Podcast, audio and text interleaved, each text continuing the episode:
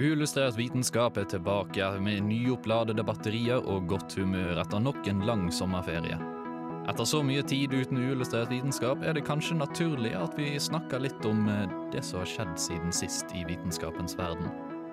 Og etter en så varm sommer er det også passende at vi snakker litt om solkrem og soling. Hallo, hallo, hallo, og hjertelig velkommen til en veldig bra start. Uh, mitt navn er Andreas Haugland, og med meg i studio i dag har jeg Kristine Pedersen. Hallo. Og jeg har Martin Eilertsen. Hallo! Ja, vi er på plass igjen etter en sommerferie som Yes. har vært lang og varm. Full oh, ja. av eh, kontinuasjonseksamenslesing og uh, altfor mye sol. Hurra. Hurra, hurra, hurra. Ja, det er sånn det blir. Uh, det er sånn det blir, ja. Det er ingen tvil om. Men nå er vi jo omsider tilbake da, og skal stille sterkt med et nytt semester. Og hvis det er noe som føler dere mangler en Andreas eh, til her i studio, så frykt ikke. Han er bare blitt sjuk, eh, så han er Mm. ikke med oss her i dag. Men han kommer, han kommer sterkere tilbake. Ja. Bank i bordet og alt det der. Og Mm. alt det der. Ja, vi skal da i dag eh, preke litt om sola sol og sånt. Og litt grann eh, grunt om hva som har skjedd i uh, forskningsverdenen siden sist, Yep. som vi nevnte. De har ikke fått gjort så mye siden det var så mye sol. Ja. Ja. Nei, alle sammen har bare tatt pause. De, Ja. Ja. Det ble for mye for dem, rett og slett. Hvor mye is og øl kan man konsumere før det går gale? Er det det, de har sjekket. Det er det forskningen har gått ut på. Ja. Nei, kanskje ikke.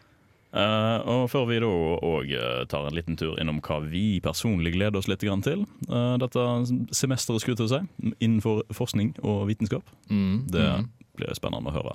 Oh, ja. Til syvende og sist så har vi jo en eh, ganske stor eh, gladnyhet eller godnyhet. Vi nevnte jo at uh, før sommeren at vi skulle ha en utesending live fra Vitensenteret i Trondheim. Ja. Og dette finner jo selvsagt sted den 6. september. Og når er det det begynner? Det, dørene åpner vel klokken 18. ja. Sendingen er live derifra klokken 19 til 21. Så det blir to timer med sending før da Vitensenteret har en god del underholdning eh, og aktiviteter for de voksne som får lov å komme. Det er et arrangement med 18 års aldersgrense, skal det sies. De påstår så. De påstår så. Ja. Ikke, ikke øvre aldersgrense, nedre. Det er nedre. Ja. Men det blir nok om det. Det blir veldig spennende. Vi skal videre, og vi skal uh, først finne ut hvordan dette fungerte nå igjen. Sånn, ja, der var en låt. Uh, vi skal videre i sendingen, og vi skal høre litt grann om lytterinnsendte spørsmål og sånt. For det er noen som lurer litt grann på sola. ja. Ja. Rett og slett. Rett og slett litt grann om sola. Men før vi kommer så langt, så får du låten 'Gjennomsiktig' av Svømmebasseng her på Uillustrert vitenskap på Radio Revolt. Jeg lurer på noe. Hvorfor er det sånn, Hei, da? jeg bare lurte på. Jeg hørte her om Jeg har dagen tenkt på at så lenge. Er det sant at jeg kan Men bli kanskje du kan svare på det? Vi svarer på akkurat det du lurer på. Uillustrert vitenskap sin innboks. Nå som høsten er på vei og vi ikke kommer til å se sola på mange måneder, så syns jeg det passer ganske bra at vi skal snakke om soling. For forhåpentligvis så har du glemt alt dette før neste gang du skal ut i sola. Alle kom superbrune tilbake igjen fra ferie. Hva skjedde med dem? Hvis de ikke hadde bynyrebarksvikt, så ble de truffet av UV-stråler. Vi har tre typer UV-stråler, der UVC er den mest energirike og blir absorbert i vanndamp for det meste i atmosfæren. Så det treffer ikke oss. UVB er sånn midt på tre energirik, og det er den som gjør deg brun og solbrent. Hvis det er mye skyer, blir man ikke truffet av UVB-stråler. Men så er det UVA-stråler, den minst energirike av UV-strålene. Den trenger gjennom både skyer og vinduer og treffer oss hele året. Når huden blir truffet av UV-stråler, blir cellene og DNA-et skada. Det sender ut signaler til pigmentcellene i huden om å lage mer pigment, melanin. Det er brunt, og derfor blir man brun. Men man forblir ikke brun for alltid. Det er fordi melaninet brytes ned, både som en del av livets kretsløp, og fordi at sola bryter det ned. Det er derfor f.eks. hår blir lysere når man soler seg. Og når du er i sola, vil det alltid være et signal om å lage mer melanin. Men når du ikke er det, så vil melaninet brytes fortere ned enn det kan bygges opp, og da blir man bleik igjen. Det kommer til et punkt der man har fått mer skade fra sola enn det kroppen klarer å fikse, og da blir du solbrent. Cellene blir så ødelagt at det blir en betennelse i huden. Det gjør at nervene blir mer sensitive, og man får vondt. Og blodårene utvider seg, og man blir rød. Hvite blodceller rydder opp skadene på cellene, men det tar litt tid, så det tar et par dager før man begynner å flasse. Sol gjør deg ikke bare brun eller rød. Huden blir også tykkere og beskytter sånn sett bedre, og dette er en viktig effekt hos lysere folk som ikke har så god beskyttelse av pigment i huden. For det har litt å si hva slags hudtype man har. Og kort sagt har lys hud lettere for å bli solbrent og vanskeligere for å bli brun, mens mørk hud har lettere for å bli brun og vanskeligere for å bli solbrent. Men uansett så kan skadene UV-strålene gjør på huden, gå så langt at det gir hudkreft. Så uansett hvordan man ser ut, så burde man være forsiktig og bruke solkrem. Jeg er Aksel Tidemann. Jeg jobber som forsker på kunstig intelligens ved Telenor Research, og du hører på uillustrert vitenskap. Det gjør du jo, du får programmet her på Radio Revolt. Ja, dette her med soling er jo veldig fascinerende. Som eh, alle vet eh, her i rommet, så er jeg kjempeglad i å sole meg sjøl. Det er faktisk Ja. det beste jeg vet i hele livet mitt. Det kan vi bekrefte alle sammen. Å ta på meg solkrem, ikke minst. en fryd. Ja, ja, Spesielt når man skal sette seg i sofaen etterpå. Ja, sant? Ikke minst. Eller, ja, altså, du får ikke så mye UV-stråling fra en uh, lys skjerm heller, da. Nei, litt, litt det- type lys. Få litt lys. Litt, litt lys, men litt feil lys. Ja, mulig. Ja. Det er ikke UV-stråler i det, håper jeg. Nei. Håper jeg. I så fall tror jeg veldig mange uh, som er veldig skjermglade, hadde slitt ganske mye. Da hadde de fått veldig mye hudkreft i ansiktet. Ja, Fordi, ja, det er jo farlig, da. Eh, UV-stråler. Det er sånn Hvorfor blir du brun? Jo, fordi at, eh, jo, fordi at eh, UV-strålene bare skader huden din litt. Mm. Og sånn ødelegge ting og ja. Altså det, men altså, hvor, hvorvidt kan en si at det på en måte er en naturlig reaksjon? Altså Det er jo et forsvarssystem mot at det skader. Ja, det er jo det. Og det er jo mange som sier Eller jeg var innom et par nettsider som sa det. At det, stråling er farlig, ikke vær ute, ha på deg masse klær. Og sånne Men- ting som det. Ja, Ja, og sånne ting som det. Og jeg velger å stille meg litt kritisk til det og si at det, det, er et, det at du blir brun, er et tegn på at kroppen er i stand til å fikse seg sjæl. Ja. Det går bra. Du, ting blir litt ødelagt, og så blir det fiksa. Men det er, sånn, det er veldig mye som går galt i en kropp, i- kropp i løpet av en dag som man ikke merker engang. Mm. Ikke, sånn- I litt sånn- tillegg til at man blir litt skadet av solen, da. Ja. Men eh, det klarer man veldig fint. Men det som ikke er så veldig bra, det er å bli solbrent. Ja, fordi det, da har du på en måte gått for langt. Altså. Da Ja. er skaden så skjedd. Da har du fått en, du fått en betennelse Ja. i huden. Og det er liksom litt rart å tenke på, fordi alle har sikkert hatt en betennelse et eller annet sted, men du bare får det over alle de stedene du har hatt sol. Eh, Så hvis du har en stor nok Hvis du er mye nok Altså, hva, hvordan sier jeg dette? Hvis du har blitt mye nok solbrent, Mm. eh, så kan du faktisk få feber av det.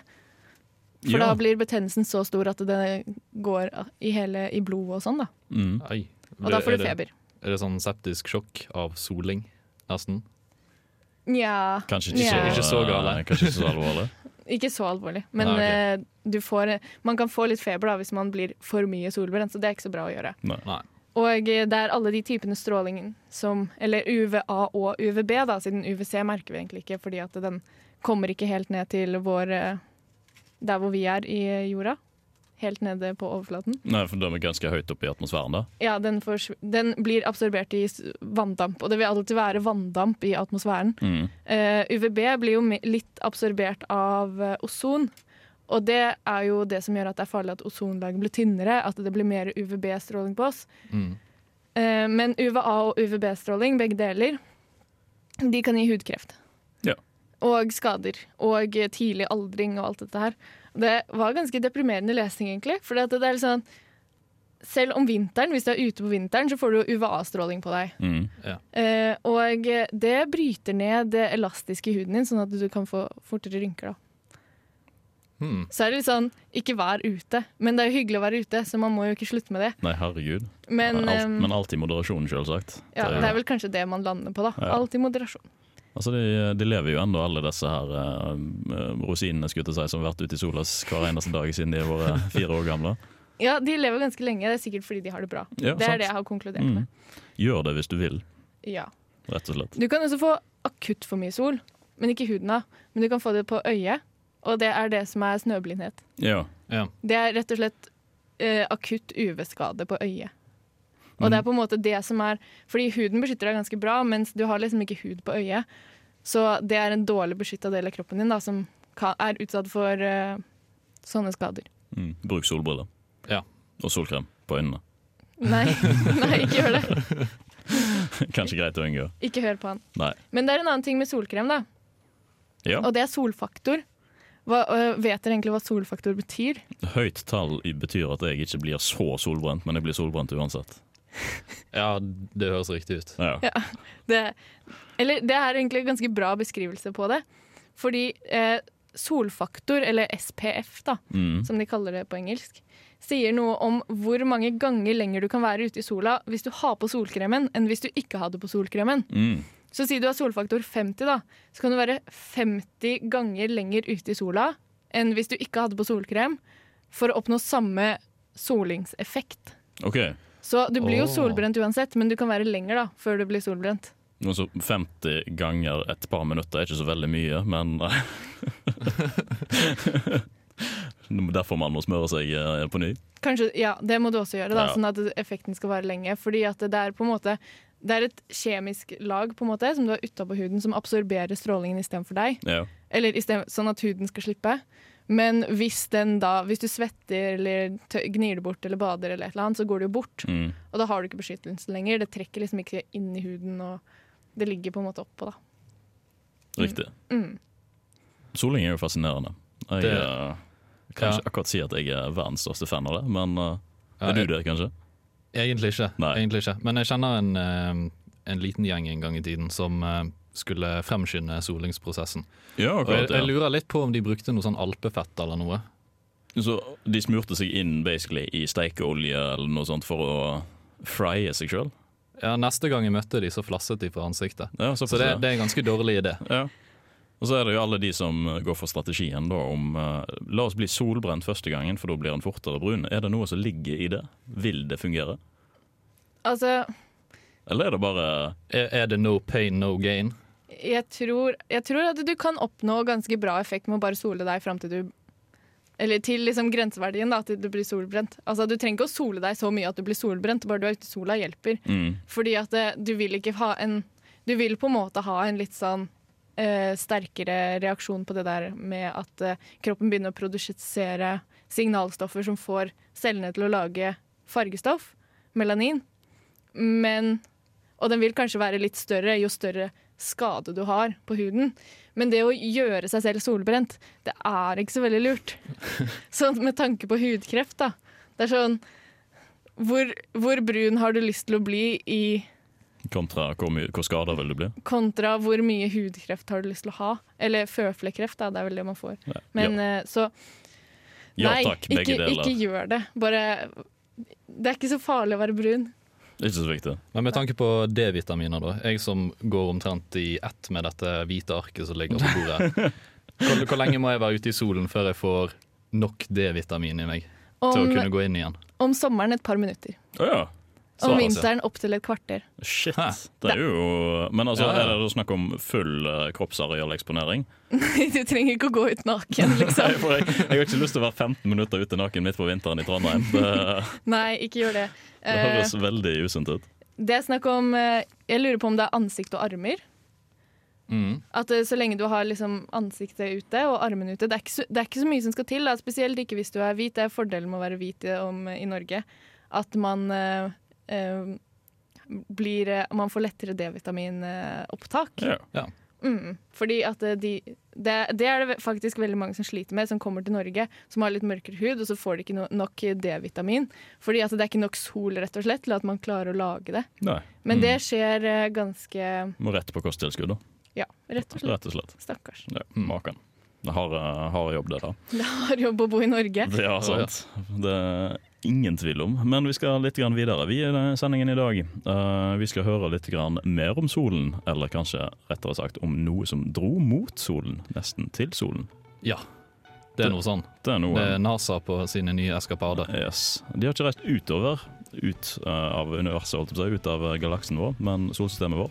Men nå skal vi innover, mot Oh. sentrum. Oi, Spennende. oi, oi. Ja. Før vi kommer så langt, skal vi høre låten 'Slay Queen' av Mall Girl. Glenn Rothschild from NASA Ames Research Center, and this is Unillustrated Science. Det er det ingen tvil om. Takk til deg, Linn, for denne nydelige introduksjonen. Eh, ja, vi skal ut i verdensrommet. Å ja. Det skal vi. Ved enhver anledning vi kan, så, drar vi ut i verdensrommet. Sånn er det bare. Ja, Ja. det skal vi. Ja. Fordi de NASA har sendt opp en probe som skal til solen. Til solen. Til solen. Skal den lande på solen? Er det nå vi skal dra vitsen om at de må dra om natta og sånn? Nei, de skal faktisk ikke lande på solen. Men de skal i nærheten av solen. I nærheten av solen, ja. Og med nærheten av solen så mener jeg sånn Hva var det? Ca. ni solradiuser unna. Det er en ganske stor uh, avstand. Ja, Ja. det er et lite stykke unna. Ja. Men det er nært nok til at de kan drive og forske på koronaen rundt uh, solen. Den er vel ganske stor. Den er ganske svær, ja. Mm. Og for oss som eh, først kobler øl når de hører korona, hva betyr dette i denne sammenhengen?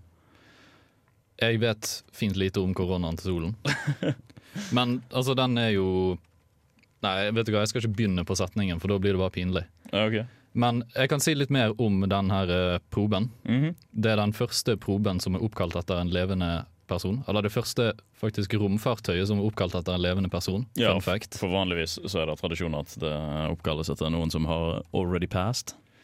Ja, eller eh, et eller annet sånn eh, mytisk, som oftest. Ja. Sånn, eller et gres, sånn greske navn er jo ganske vanlig. Ja. Eh, de forventer at når den er i bane rundt solen, så blir det varmeskjoldet som skal beskytte proben, det skal nå en temperatur på rundt 1300 grader. grader 1300 celsius. Ja, og dette var jo noe, et varmeskjold som var ganske tykt eh, varmeskjold. Var, jeg husker ikke helt hvor tykt det var, men tykt nok til at dette her eh, faktisk er insane bra absorbert. Hva, er et, eh, hva lager de et varmeskjold av? Eh, noe karbonfiber. eh, Ja. som, altså, noe som har ekstremt uh, stor evne til å skille ut varme og tar opp veldig lite varme. Ok, Så det er ikke sånn uh, sci-fi uh, elektromagnetisk skjold, det er faktisk et ekte Nei. karbonlaget Med, ta, med, tanke, skjold? med tanke på energikildene til satellitter, at de fleste er solcellepanel, så jeg tror ikke dere kan drive noe sci-fi-varmeskjold. Nei, kanskje ikke. Kanskje ikke helt. Nei, men dette er veldig spennende. Vet du noe om når den eh, ankommer sin destinasjon? Den ble jo skutt opp for øvrig den 12., nei 8. august. Det er ikke så lenge siden. Nei, det er veldig, Nei. veldig nært i tid. Det var, det var innen noen uker. Den skulle Saturday eh, 11. august, ja. Ble den skutt Mm, opp. mm.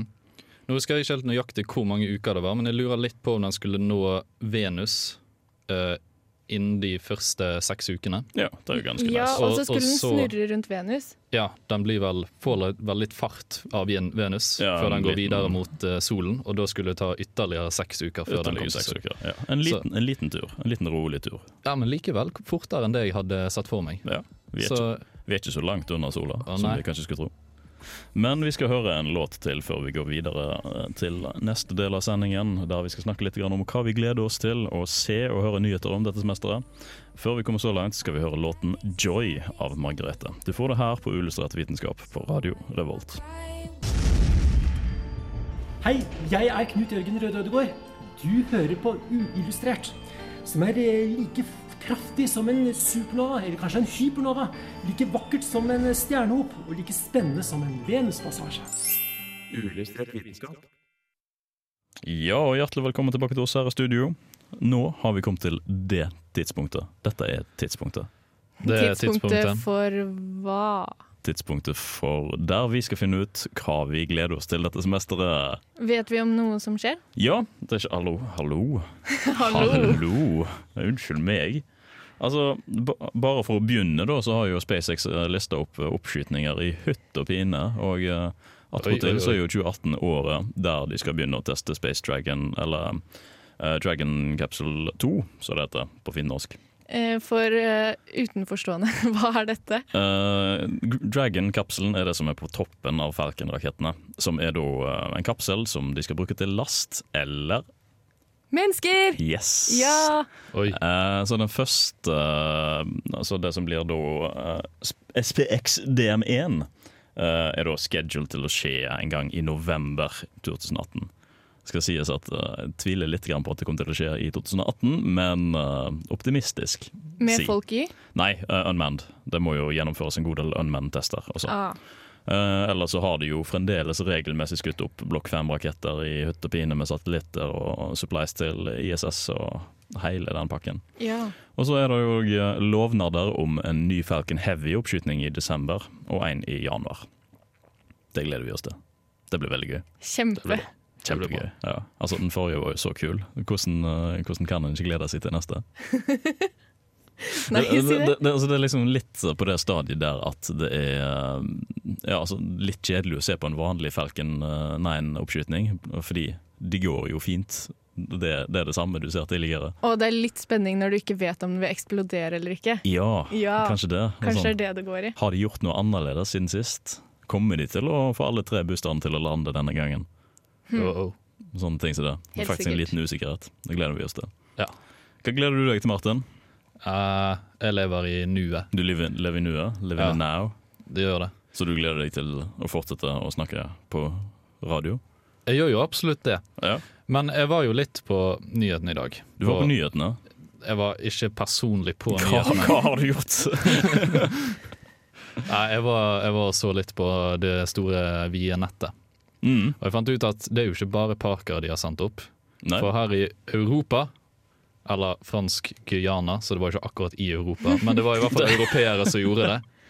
De sendte opp en ny eh, værsatellitt Ja. som skal måle tropiske vinder. Som kan bli veldig relevant nå fremover, fordi vi har jo opplevd litt mer eh, spesielt vær. Det er en, eh, en rolig, konstant orkansesong i Florida, for eksempel. I Ja. golfen der Ja, det er jo litt sånne ting. og sånne ting. Stadig øker av ekstremvær.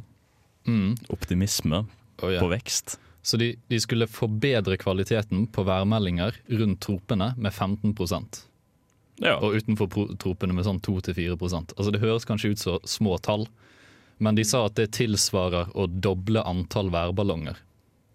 Ja, så den oppskytingen da kommer til å gjøre veldig mye bra. Da kommer det til å være veldig mange som er glad for at de får korrekt værmeldinger, rett og slett. Yes. I hvert fall når det gjelder vind. Ja. Kanskje vi får korrekt si værmelding i, Norge, nei, i Trondheim for en gangs skyld. Det går ikke an å spå. Nei, Nei, det, det, det- er bare Det er udefinerbart. Det bare går ikke. Enn du da, Kristine? Har du noe uh, nyhender? Jeg venter fortsatt på han som skal transplantere det hodet, da. Ja, Men nå, det Martin? skulle jo skje i fjor øh, vinter. Stemmer kanskje det? Ja, det skulle jo skje i desember. Men Det har han jo utsatt uh, kjempelenge. Okay. Så om det skal skje eller ikke, det fant jeg faktisk ikke ut av på to minutter på Google. Nei. Så da, da er det spennende å se om de utsatte på ubestemt tid. Uh, ja. Men det er jo forskning, da. Og hvis det er én ting Mm. jeg har lært i det siste, er at forskning det tar mye lengre tid enn det man tror at det tar. Du skal liksom uh, få godkjenning fra ditt og fra datt og fra alt mulig. Og så plutselig så finner du ut Oi, dette hadde vi ikke tenkt på, dette må vi finne ut av. Og så må man gjøre noen sånn småforsøk. Og så, ja. Ting tar tid. Sånn Det- er det med forskning. Det tar bare lang tid. Det er alltid litt frustrerende når man leser noe, en sånn forskningsartikkel, så tror man at dette her må være noe sånn science fiction-greier. Hvorfor, hvorfor bare gjør vi ikke det? Og så ser du at artikkelen er sånn ti år gammel. Det var sånn, hmm, ja ja. Skal vi se, Dette er en artikkel fra mars 2018. The last news on- this intended head transplant was that Canavero claiming late last year to have successfully transplanted the head on a human cadaver. Ja, på, men en Han, levende han, versjon, da. han claimet det. Å ja. Ja. ja. Så det er noe Men det var jo så planlagt. Ja, Det var jo en ganske svær greie. but there are huge red flags, ja. Uh, Ja, kanskje han bare hmm. Altså Sannsynligvis så kommer de til å dø begge to, men det hadde vært interessant. mm, Om det faktisk hadde funket. Ja. Ja. Kanskje det hadde vært uh, For de skal jo ha klart å gjøre det på dyr. Det snakket jeg jo litt om på da jeg snakket om uh, ja, hodetransplantasjon. 1. april uh, en Det, var- det var en første 1. gang. Ja. april, men det var vel den eh, det, Det- det, det ene- innslaget som ikke skulle være første 1. april-innslag. Men det ser ut som det kanskje ble et 1. april-innslag likevel, da, Ja, muligens. Men, det, eh, det er litt grann det samme som han duden som har bygd sin egen rakett og skal vise at månelandingene var fake og at alt mulig sånt jorda er flat. Ja, ja. Eh, Det er sånn et crazy stunt for å få publisitet, og så utsetter du launchdaten eller sånne ting hele tida, og så får du publisitet i mediene for når du har dabba litt grann av igjen, så går du at 'nå skal jeg gjøre det', nå skjer det. og så dabber det av igjen. Og så går du 'nå skal jeg gjøre det', nå skjer det. Det hadde vært mye morsommere hvis han kunne gjøre det på ekte. da. Det hadde faktisk vært kult. Da hadde han fått permanent publisitet. Faktisk. Så Ja. han, han gærningen som ikke hadde noe um, etisk uh, moral var alt mulig Ja, der. jo, ja. Jeg vet ikke, Er det bra? Er det dårlig, kanskje? De hadde jo fått godkjenning, da, alle Ja. som skulle gjøre det. Ja. Kanskje de trakk seg. Kanskje det var det som var problemet. Mm. Ville heller være permanent syk, rett og slett. For det var jo et ganske svært team som skulle være med på det. Kanskje Fordi de det gikk tom for penger. liksom Ja, det kan godt hende. Men eh, det spørs hva som skjer. Men han rakettduden, hvorfor lager han ikke bare en ballong? Uh, godt spørsmål. Fordi det kommer ikke høyt nok opp, kanskje? Han kan jo komme kjempehøyt i en ballong. Ja. Ikke til månen. Nei. Nei, men han skulle jo bare sånn 500 meter opp i luften eller noe sånt på den første greien. Det er jo ingenting. Hvorfor i helvete vil du bygge en rakett for det? Jeg vet ikke. Du kan jo klatre så høyt. Kanskje han skulle 500 km, men du kommer jo ganske høyt med en ballong. og- Nei, 500 km kan ikke være så mye. Da, da var du ganske langt Ja. Men altså, hallo, du kommer jo ganske høyt opp i atmosfæren med en ballong. Ja, Du gjør det. Det er jo sånn de har testet sånn høyeste fallskjermhopp. Ja, han uh, Red Bull-mannen. Han Red Bull-mannen, Ja, det var ganske høyt oppe. det var veldig høyt oppe. Spennende. Men jeg har en annen greie òg. Du har en annen greie? Oh, yeah. Fordi det er noe som er nå i veldig tidlig stadie. Fordi det har lenge vært et problem å sende en e-post fra en ubåt til et fly. Ja, fordi denne ubåten er veldig dekket av metall. Og vann. Og vann. For det, det er jo noen som begynner å forske på det her. Mm. Og det de da har gjort, er at de kan sende opp et sonarsignal Oi sann, shit, sorry. Der slo jeg mikrofonen min, det var ikke meningen. Det er ingen som merket det. Ok, greit. Skulle bare ikke sagt noe. Nei, nei, nei. Eh, men de sender et sonarsignal opp til overflaten, som lager bitte små bølger i, i vannoverflaten, som kan fanges opp av et fly. Men bitte små bølger Altså, Det skal jo være ganske eh, relativt rolig liten pinpoint på dette her, da. Ja, ja, ja. Det er jo bitte lite. Og hvordan skal den, den flymottakeren klare å filtrere ut alt annet av støy, og av bølger og stråling? Og treffe akkurat dette? Det er jo det som de jobber med, fordi foreløpig så fungerer den ikke i med mindre bølgene under 16 cm. Ja, akkurat, ja. Og det, Så det er er jo jo som regel, som regel på åpent hav. Ja. Ja.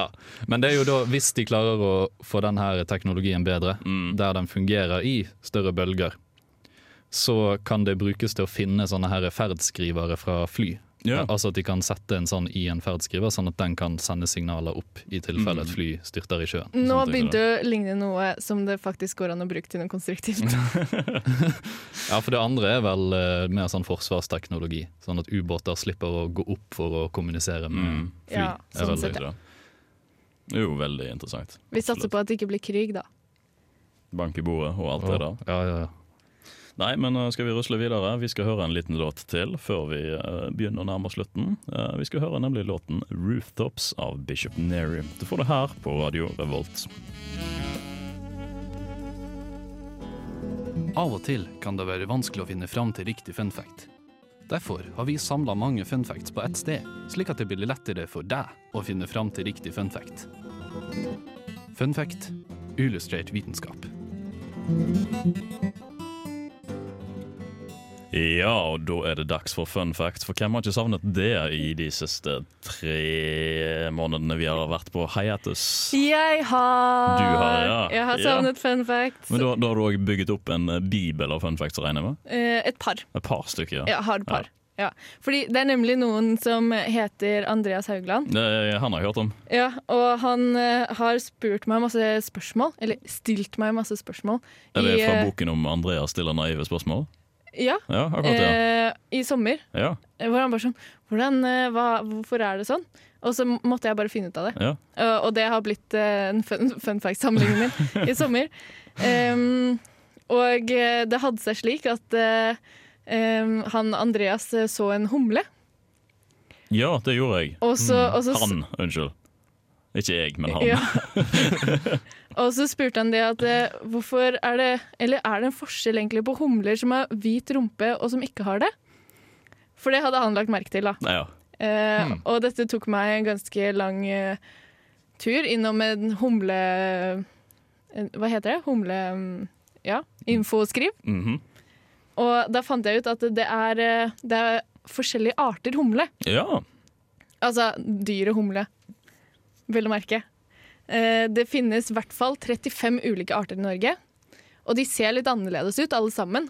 De har litt forskjellige mønster. Alle er stripete, men de har litt sånn forskjellige stripemønster.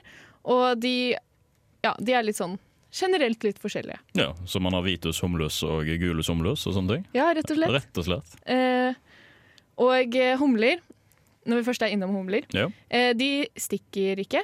Jo, de stikker.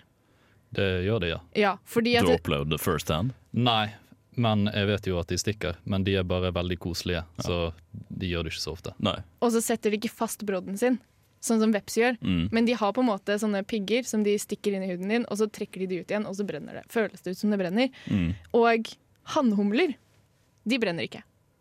Nei, ok, For det er kun kvinnelige humler som har den giften eller hva det er som gir den reaksjonen? Ja, tydeligvis, da. Ja. Eh, så hvis du ser en humle som ikke angriper deg, så er det sannsynligvis en hann. Du er bare så chill. ja. det, det, jeg kom til å tenke på at den kan du bruke i ganske mange um, Sammenheng. sammenhenger Ja. der du uh, snakker litt ned om kvinner. Akkurat ja. Ja, ikke gjør det, da. Nei. Vi oppfordrer ikke til det. Nei. Martin hadde også en uh, fun fact. Ja, men hva, hvis, har vi nettopp sagt at vi ikke skal oppfordre til å snakke ned uh, Nei, men det er jo ikke det jeg skal snakke om. Det er ikke det? For jeg har en fin lingvistikk-funfact. Ok, det var ikke den du skulle Du valgte ikke den, nei? Nei, jeg, vet, jeg, jeg har standarder. Jeg har standarder. Oi, oi, oi, oi. Ja. Uh, jeg har en eh, morsom lingvistikk-funfact som jeg, har fant, som jeg hørte i, eh, i, i, i forelesning. Ja. Og Det handler om at man, når man tilegner seg språk Det er jo ikke helt det samme som å lære seg språk når man er unge, fordi man bare tilegner seg det. Det kan man visst gjøre kun gjennom observasjon. Ungen trenger ikke å snakke sitt eget språk for å lære det. Nei, Den kan tilegne det kun gjennom observasjon. Okay. Høre det, da, antar jeg. Ja, Ja. høre det. Ja, Det er jo òg en observasjon. Dette observerte jeg Ok. her og nå. Ok. Ja, ja. ja, men det er jo ganske kult. Utrolig Det er det. fascinerende. Så de er, maski de er liksom de er, Læringsmaskiner, rett Ja, og slett. rett og slett. Ja, er fascinerende. utrolig. Utrolig hva man får til. Men uh, siden vi uh, dessverre ikke er på morgenradio lenger, så kommer vi jo tilbake med mer fun facts. Eh, mye, mye mer. Eh, så for noen må få, morgen, nei, få fun fact-fiksen sin Ja, rett og ut. slett. Rett og slett. Så Det det, er noe som kommer til å komme tilbake på jevnlig basis. Vi begynner dessverre å runde av mot slutten. Det er snart ferdig eh, for denne gang. Vi er tilbake neste uke. Ja. Før vi kommer så langt, skal vi høre litt grann musikk til, da, skal det sies. Her har du 'Ulver i streite klær' av Kjært barn. Moore. Det gjør du, og da har vi faktisk kommet til slutten. Ikke sist, sånn som jeg trodde vi hadde. Uh, ja, det har vært veldig digg, egentlig. Gøy igjen å begynne opp igjen, merker jeg. Ja. Kjekt å prate for eh, alle dere der ute, spesielt deg, Andreas, som sitter og hører på. Uh, en liten shout-out til deg. Ja, ja, ja. Når vi kommer mot slutten, så vil vi jo da igjen eh, nevne at vi skal ha utesending live på Vitensenteret i Trondheim. Det blir sent på Vitensenteret-arrangement etter det, eller underveis også for den saks skyld. Og dere har faktisk muligheten til å se oss på ekte. På ekte, Og det er jo litt gøy. Ja. Vi har lyst til å se hvem som hører på oss. Ja. Hvis noen gjør det. Hvis Får håpe det er noen. Eh, men ja, vi skal tilbake en liten tur neste uke, og så er det da en uke til. Da er det på torsdag den 6. september vi er å høre. Men eh, vi har bytta sendetid, så hvis du har lyst til å høre på oss live, Fremover fra neste uke av. ja, når skal de høre på oss da? Da skal de høre på oss på tirsdager fra klokken eh, 19 til 20. 18 til 19. 18 til 19. Ja. Det var 18 til 19. Ja. ja, det var det. Ja, det var 18 til Jeg 19. regner- Vi, vi har full kontroll. Ja, vi er ikke helt vant til Ja, dette, men vi skal finne ut av det. Og så kommer det et innlegg på Facebook. Som vanlig, hvis dere skulle lure på noe, sånne morsomme, artige spørsmål i stil med Andreas stiller naive spørsmål, eh, så er det bare til å sende de inn til oss på Facebook. Gjør det, vær snill. Vi gjør det, vær snill. Ja. Gi oss gjerne også en like der, og følg oss i våre aktiviteter og sprell og sånt. Hvis dere har lyst til å høre podkaster, så kommer det ut eh, like etter sendingen går live, og det kan du finne på bl.a. Radio Revolt sine nettsider eller din favorittpodkasttjeneste. Mitt navn har vært Andreas Haugland, og det er det enda. Og med meg i studio i dag har jeg hatt Kristine, Ha det bra. og jeg har hatt Martin. Ha det bra. Her får du tryllefløyten på Radio Revolt.